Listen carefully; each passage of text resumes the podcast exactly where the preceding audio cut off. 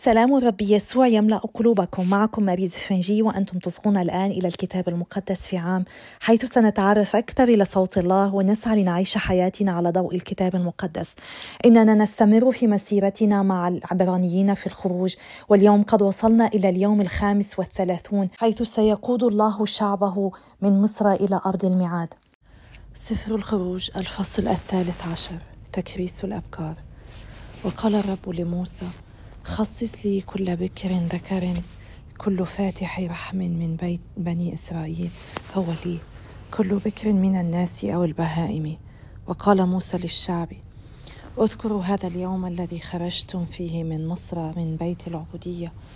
فقد أطلقكم الرب من هنا بيد قديرة فلا تأكلوا خبزا مختمرا.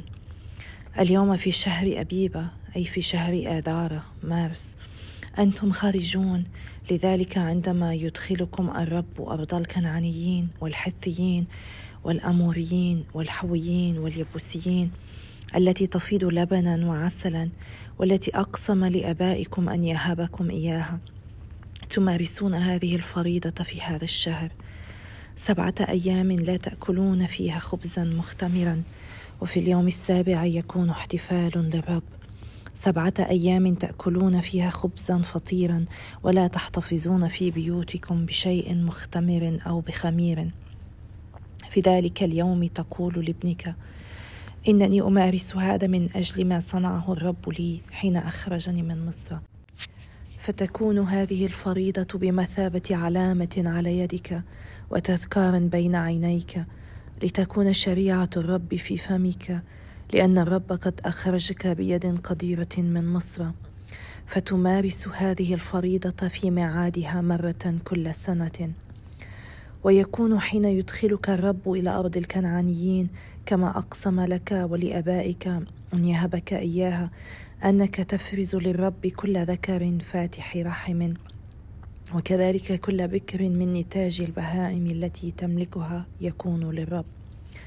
إنما كل بكر حمار تفديه بحمل وإن لم تفديه تكسر عنقه وكذلك تفدي أيضا كل بكر من بنيك. وحين يسألك ابنك في الأيام المقبلة ما معنى هذا؟ تجيبه إنه بيد قديرة أخرجنا الرب من ديار العبودية وعندما تصلب فرعون وامتنع عن إطلاقنا أهلك الرب كل بكر في بلاد مصر من أبكار الناس والبهائم. لذلك أنا أقرب للرب الذكور من كل فاتح رحم وأفدي كل بكر من أولادي.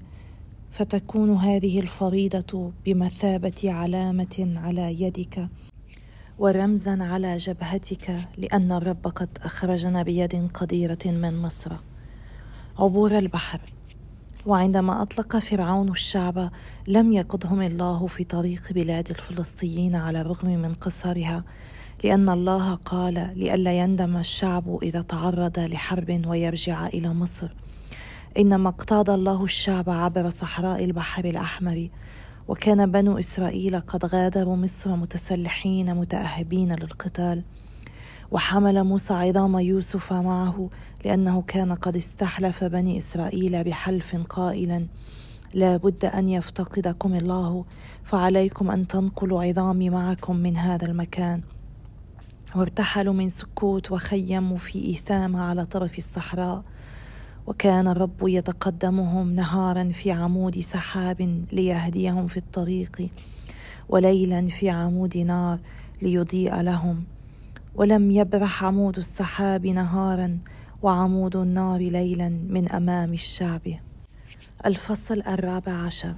وقال الرب لموسى قل لبني إسرائيل أن يرجعوا ويتجمعوا مقابل فم الحيروث بين مجدل والبحر أمام بعل صفون مباشرة تخيمون عند البحر فيظن فرعون أنكم هائمون في الأرض على غير هدى.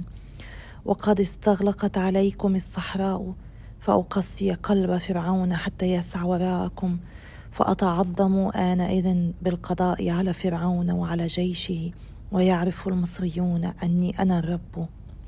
وهكذا فعل الإسرائيليون. فرعون يطارد بني إسرائيل. وقيل لملك مصر هو ذا الشعب قد هرب. فتحول قلب فرعون وقلوب حاشيته ضدهم وقالوا ماذا دهانا حتى أطلقنا إسرائيل من خدمتنا؟ فأعد مركبته واصطحب جيشه معه فأعد ستمائة مركبة وسائر مركبات مصر وحمل عليها قادة سلاح المركبات. وقص الرب قلب فرعون ملك مصر فطارد بني إسرائيل الذين غادروا مصر بقدرة ظاهرة. وسعى المصريون وراءهم بجميع خيل فرعون ومركباته وفرسانه وجيوشه فأدركوهم وهم متجمعون عند البحر بالقرب من فم الحيروث مقابل بعل صفون. ولما اقترب فرعون نظر بنو إسرائيل وإذا بالمصريين يندفعون نحوهم فارتعبوا واستغاثوا بالرب ثم قالوا لموسى هل لافتقار مصر للقبور أخرجتنا إلى الصحراء لنموت فيها؟ ماذا فعلت بنا حتى أخرجتنا من مصر؟ ألم نكن لك في مصر دعنا وشأننا فنخدم المصريين إذ كان خيرا لنا أن نخدم المصريين من أن نموت في الصحراء فقال موسى للشعب لا تخافوا قفوا وانظروا خلاص الرب الذي يجريه لكم اليوم لأن المصريين الذين رأيتموهم اليوم لن تروهم فيما بعد إلى الأبد فالرب يحارب عنكم وأنتم تصمتون. وقال الرب لموسى ما بالك تستغيث بي؟ قل لبني إسرائيل أن يرحلوا. ارفع عصاك وابسط يدك فوق البحر وشقه فيجتاز بنو إسرائيل في وسط البحر على اليابسة. فها أنا أغلظ قلوب المصريين فيسعون وراءكم فأتعظم بالقضاء على فرعون وعلى مركباته وفرسانه. فيدرك المصريون أنني أنا الرب عندما أتعظم على فرعون ومركباته وفرسانه. وانتقل ملاك الله الذي كان يتقدم عسكر إسرائيل إلى المؤخرة خلفهم. وكذلك انتقل عمود السحاب من أمامهم ووقف وراءهم. فدخل بين عسكر المصريين وعسكر الإسرائيليين وصار عمود السحاب ظلاما قاتما على المصريين وضياء على بني إسرائيل فلم يقترب أحدهما من الآخر طوال الليل. وبسط موسى يده فوق البحر فأرسل الرب طوال تلك الليلة ريحا شرقية قوية ردت البحر إلى الوراء وحولته إلى يابسة. وهكذا انشق البحر فاجتاز الإسرائيليون في وسط البحر على أرض يابسة فكان الماء بمثابة سورين عن يمينهم وعن يسارهم. ولحق بهم المصريون ودخلوا وراءهم إلى وسط البحر بجميع خيل فرعون ومركباته وفرسانه. وقبل طلوع الصباح أشرف الرب في عمود النار والسحاب على عسكر المصريين وأربكهم. فجعل عجلات مركباتهم تتخلع فطفقوا يجرونها بمشقة حتى قال المصريون لنهرب من الإسرائيليين لأن الرب يحارب عنهم ضدنا. وقال الرب لموسى ابسط يدك فوق البحر ليرتد الماء على المصريين مع مركباتهم وفرسانهم. فبسط موسى يده فوق البحر عند انبثاق الصباح فارتد البحر إلى موضعه على المصريين الهاربين في اتجاهه فجرفهم الرب نحو وسط البحر. وارتدت المياه وأغرقت المركبات والفرسان وكل جيش فرعون الذي لحق بهم إلى البحر فلم يفلت منهم ناج واحد. أما بنو إسرائيل فقد ساروا فوق أرض يابسة وسط مياه البحر. وكانت المياه كسورين عن يمينهم وعن شمالهم. وهكذا انقذ الرب في ذلك اليوم الإسرائيليين من يد المصريين وشاهدوا جثث المصريين مطروحة على شاطئ البحر. وعندما شهد الإسرائيليون القوة العظيمة التي عامل بها الرب المصريين خاف الشعب الرب وآمنوا به وبموسى عبده. سفر الأحبار الفصل العاشر خطيئة ناداب وأبيه وعقابهما. ثم أخذ ابنا هارون ناداب وأبيه كل واحد منهما مجمرته فجعل فيها نارا ووضع عليها بخورا وقربا أمام الرب نارا غير مقدسة لم يأمرهما بها. فخرجت نار من أمام الرب فأكلتهما وماتا أمام الرب. فقال موسى لهارون هذا ما تكلم الرب به قائلا. إني في المقتربين إلي أتقدس وبحضرة الشعب كله أتمجد. فسكت هارون. ثم دعا موسى ميشائيل وألصفان ابني عزيئيل عم هارون وقال لهما تقدما فاحملا أخويكما من أمام القدس إلى خارج المخيم. فتقدما وحملاهما بقميصهما إلى خارج المخيم كما أمر موسى. وقال موسى لهارون ولألعازر وإثمار ابنيه لا تهدلوا شعر رؤوسكم ولا تمزقوا ثيابكم لئلا تموتوا ويحل الغضب على الجماعة كلها. وإخوتكم بيت إسرائيل كله هم يبكون على الذين أحرقهم الرب. ومن عند باب خيمة الموعد لا تخرجوا لئلا تموتوا لأن زيت مسحة الرب عليكم. فعملوا كما أمر موسى. تحريم الخمر على الكهنة. وكلم الرب هارون قائلا لا تشرب خمرا ولا مسكرا أنت ولا بنوك. عند دخولكم خيمة الموعد لئلا تموتوا فريضة أبدية مدى أجيالكم. ولتميزوا بين المقدس وغير المقدس والنجس والطاهر ولتعلموا بني إسرائيل جميع الفرائض التي أمر الرب بها على لسان موسى. نصيب الكهنة من التقادم.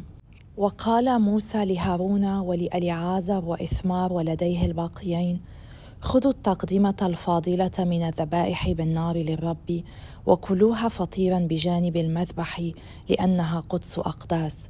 تأكلونها في موضع مقدس فهي من حقك ومن حق بنيك من الذبائح بالنار للرب لأني كذا أمرت. وأما الصدر المحرك والفخذ المقدمه فكلهما في موضع طاهر أنت وبنوك وبناتك معك فإنهما يعطيان حقا لك ولبنيك من ذبائح بني إسرائيل السلامية.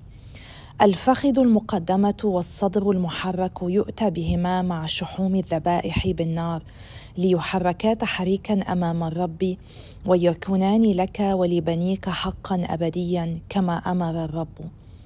فريضة في أكل ذبيحة الخطيئة.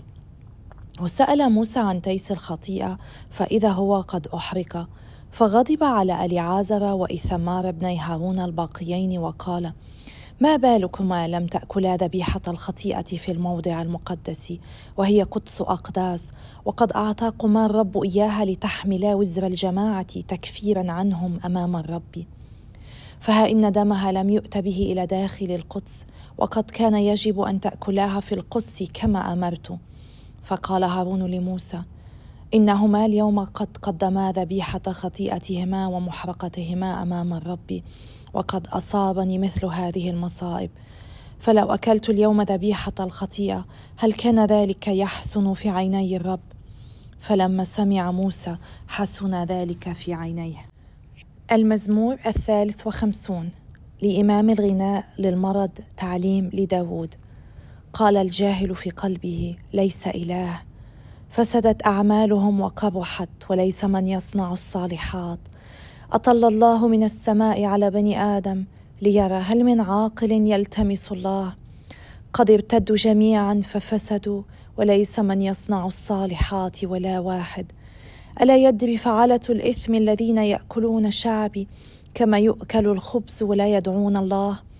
هناك يرتعبون رعبا حيث لا رعب لأن الله يبدد عظام محاصرك. لقد أخزيتهم لأن الله نبذهم. من الذي يأتي من صهيون بالخلاص لإسرائيل حين يرد الله أسر شعبه يبتهج يعقوب ويفرح إسرائيل. بسم الله والابن والروح القدس إله واحد آمين. نشكرك يا الله نشكرك من أجل كلماتك. نشكرك لأنك فعلت الجزء الصعب كما أريتنا اليوم في سفر الخروج. لقد حاربت من أجل شعبك وأنت مستعد أن تفعل كل شيء من أجلنا. أنت لست فقط ترانا أنت تعرفنا أنت تعرف آلامنا تسمع صراخنا وأنت تأتي لنجدتنا. نشكرك يا الله لأنك تجيب صلواتنا تجيبها في الطريقة الأنسب وفي الوقت الأنسب. نحن نعلم يا رب أنك فعلت الجزء الأصعب لتخلصنا وأنت تدعونا لنكون جزءا من ملكوتك وتعطينا دورا لنقوم به. اعطنا يا رب النعمة لكي نسلمك حياتنا ولكي نسير على خطاك ونتمم إرادتك في كل لحظة من حياتنا. باسم يسوع نصلي آمين. رأينا اليوم كيف قاد الله شعبه كل الطريق رغم أنه وهو أمر مثير للانتباه لم يأخذهم بالطريق الأقصر. بدلا من أن يهدي الله بني إسرائيل إلى الطريق المباشر من مصر إلى أرض الميعاد قادهم إلى طريق أطول لتجنب الحرب مع الفلسطينيين. أحيانا بدلا من يأخذنا في الطريق السهل يأخذنا الله في طريق أصعب وأطول ليعدنا للمعارك القادمة. فعندما لا يقودك في أقصر الطرق لهدفك لا تشك ولا تقاوم بل اتبعه طائعا واتكل عليه ليهديك امنا من عقبات خفية لا تراها.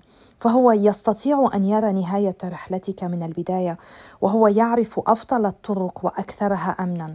رغم أن شعب الله كان خارج مصر كان عليهم أن يحاربوا معركة بعد معركة. لذلك كانوا بحاجة أن يتعلموا أن يعتمدوا بالكامل على قوة الله وإرشاده. وقد أعطى الله العبرانيين عمود سحاب ونار ليعلموا أنه معهم دائما في النهار وفي الليل في رحلتهم وهو لن يتركهم أبدا. وهذا شيء نحن بحاجة لأن نعرفه على المستوى الفردي وبصفتنا أبناء الله. إن الله يرشدنا دائما والله معنا أبدا. ولدينا الكتاب المقدس وهو شيء لم يكن لدى الشعب إسرائيل. كلمة الله هي تؤكد لنا وجوده معنا. فكما تطلع العبرانيون إلى عمود السحاب والنار ليلا ونهارا يمكننا نحن أن نتطلع إلى كلمة الله ليلا ونهارا لنعرف أنه معنا يعيننا طوال رحلتنا ويرشدنا. أحيانا قد ندخل في مواقف يبدو أنه لا مخرج منها كما رأينا مع المصريين اليوم حين رأوا البحر أمامهم والمصريون وراءهم وخافوا جدا ولكن موسى شددهم وقال لهم أن يثقوا تماما في الله. وإذا كان هناك عبره يجب أن نستخلصها من قراءة اليوم فهي كلمات موسى للشعب وهذه الكلمات موجهة لكل واحد منا أيضا. لا تخافوا قفوا وانظروا خلاص الرب الذي يصنعه لكم اليوم. الرب يقاتل عنكم وأنتم تصمتون. علينا أن نعود غالبا لهذه الآيات عندما نجد نفسنا في موقف حيث لا يمكننا أن نرى مخرجا حيث نشعر بأنه لا أمل بأنه لا مساعده متوفره لنا. علينا أن نعي أن الله معنا دائما وهو سيقاتل من أجلنا هو سيحارب عنا. علينا فقط أن نكون ساكنين أن نثق به ونجعله يفعل ما يفعله. مرات عديدة. نحن نقف في وجه الله. لذلك هناك قول مأثور هنا في آه، اللغة الإنجليزية. Let go and let God بمعناه اترك كل شيء واترك الأمر لله. اتكل على الله. علينا أن نفعل ما يطلبه منا ونترك الباقي لله. لاحظنا اليوم كيف أن الله قد شق المياه ولكنه فعل ذلك بعد أن طاعه موسى وقام بدوره حين سأله الله أن يرفع عصاه ويمد يده على البحر. ونحن أيضا الله يطلب منا أن نفعل اشياء ونترك الباقي له. مثلا إذا كنا نرى اشخاصا في حياتنا بعيدون عن الله علينا نحن أن نصلي من أجلهم أن نرفع يدنا ونصلي من أجلهم. والله سيستخدم صلواتنا وهو سيغيرهم وهو سيهديهم إليه. ولكن صلاتنا هي جزء من خطته من أجل خلاص هذه النفوس. كان على الله أن يجلب الإنقاذ والخلاص. هكذا أنقذ الرب في ذلك اليوم العبرانيين من يد المصريين. ودورنا نحن أيضا أن نثق بالله. علينا أن نؤمن بالرب وأن نتعاون معه كما هو يريد. هكذا الله صمم الخليقه هو لا يحتاج إلينا ولكنه أراد أن يشركنا في مشروعه الخلاصي من أجل البشرية كلها. في قراءتنا لسفر الأحبار أو سفر اللاويين قد نشعر بأن القراءة مملة وجافة بسبب كل هذه القواعد والوصايا. ولكن سفر الأحبار كما قلنا يتعلق بقداسة الله وهو يجعلنا نعي كيف يمكننا نحن أيضا أن نصبح قديسين أن نكون مكرسين مميزين عن العالم. بالأمس قرأنا أن مجد الله قد تجلى للشعب كله وخرجت نار من عند الرب أحرقت ذبيحة محرقة. واليوم يبين لنا موقف نداب وأبي هو أن الدخول لمحضر الله لا ينبغي أبدا أن يستخف به بل يجب أن يؤخذ بمحمل الجدية ويجب أن يتم كما يطلبه الله. عندما قربا نداب وأبي هو أمام الرب نارا غير مقدسة التهمتهم نار الله المقدسة. حين نقرأ هذه القصة قد نستغرب ماذا حصل وكيف لله أن يسمح بهكذا الشيء. ولكن الحقيقة هي أن ابنا هارون استهانا بشرائع تقديم الذبائح فاندلعت نار من عند الرب والتهمتهما. تقديم الذبائح كان عمل طاعة والقيام بذلك بطريقة صحيحة كان يبين احتراما لله. من السهل جدا علينا أن نتهاون في طاعتنا لله إذ من السهل إطاعة بعض وصايا الله بينما رفض بعضها الآخر التي تستلزم انتباها أدق. والله يعلم تماما متى نسلك بأمانة وعصيان الله يؤدي دائما إلى التقويم. وهذا ليس شيئا الله يريده إنما يسمح به لأنه هناك عواقب لكل أعمالنا. في العهد القديم كانت الذبائح هي الطريقة ليصلوا إلى محضر الله وكان على رئيس الكهنة أن يقدم ذبائح عن نفسه وعن الشعب. ولأن رئيس الكهنة كان إنسانا كان مثلنا ضعيفا خاطئا كان عليه أن يستمر في تقديم الذبائح عن خطاياه وكذلك عن خطايا الشعب. أما اليوم في العهد الجديد فالوصول إلى محضر الله أصبح ممكنا جدا وأصبح سهلا بسبب رب يسوع. في العهد الجديد إن الله صار واحدا مثلنا اقترب إلينا كثيرا تجسد حتى نصبح كل واحد منا هيكلا للروح القدس. لقد أظهر الرب نفسه في تواضع وفقر كثير حيث جعل الناس ترفضه تعذبه وتقتله. وهذا ما يجعل بعض الأشخاص يستهينون بعلاقتهم بالرب حيث يريدون هذه العلاقة بشروطهم وعلى طريقتهم. ولكن علينا ألا ننسى قداسة الله وألا نتقدم إليه بغير احترام وبغير وقار وخشوع. علينا دائما أن نتذكر قداسته حتى لو أصبح واحدا مثلنا شابهنا في كل شيء ما عدا الخطيئة. يبقى هو قدوس الله ودعوتنا أن نصبح مثله أن نقترب إليه بكل احترام وكل وقار وبكل ثقة بدون خوف. من خلال الرب يسوع لكل واحد منا معمد حق الدخول إلى حضور إلى محضر الله القدوس. نحن قادرون أن نأتي إلى الله اليوم ونسمع صوت الرب وننال قوته وسلامه ونتكلم بالسلطان الذي يأتي من سماع صوت الله. ولكن السؤال المهم لكل واحد منا كيف نحضر أمامه؟ عندما نشارك في القداس هل نقدم أنفسنا لله في الصلاة بطريقة تظهر احترامنا لقداسته؟ هل لدينا خوف مقدس من الرب؟ هذا ما نسميه مخافة الرب. هل نأخذ الله على محمل الجد؟ هل نعي أنه حقا يريد علاقة شخصية معنا ولكنه قدوس ويريدنا أن نصبح قديسين؟ خذ بعض الوقت للتأمل في كيف تتقدم من الله اليوم. هل تظهر امتنانا لله لأنك قادر أن تقترب إليه بسبب المسيح؟ أم هل نقع في شرك التذمر كما فعل العبرانيين وننسى ما فعل الله وما زال يفعل من أجل كل واحد منا؟ لكي نقدر من الاقتراب منه بكل وقار واحترام؟ فلنستمر في هذه المسيرة مع الكتاب المقدس في عام ولنقترب من الله أكثر بوقار واحترام وحب وتواضع كما يليق به. ولنتذكر أن الله معنا دائما. والله هو يحارب عنا. والله يريدنا فقط أن نكون ساكنين متكلين عليه. نعمل ما هو يطلبه منا ونترك الباقي له. إذا كنت تحصل على كلمة تشجيع من خلال الكتاب المقدس في عام، لا تنسى أن تشارك غيرك هذه التسجيلات وتعطيهم فرصة أيضا ليتشجعوا بكلمة الله. نحن معا في مسيرة لنكتشف سر الخلاص أكثر وأين نحن منه. وإلى اللقاء إن شاء الله غدا في اليوم السادس وثلاثون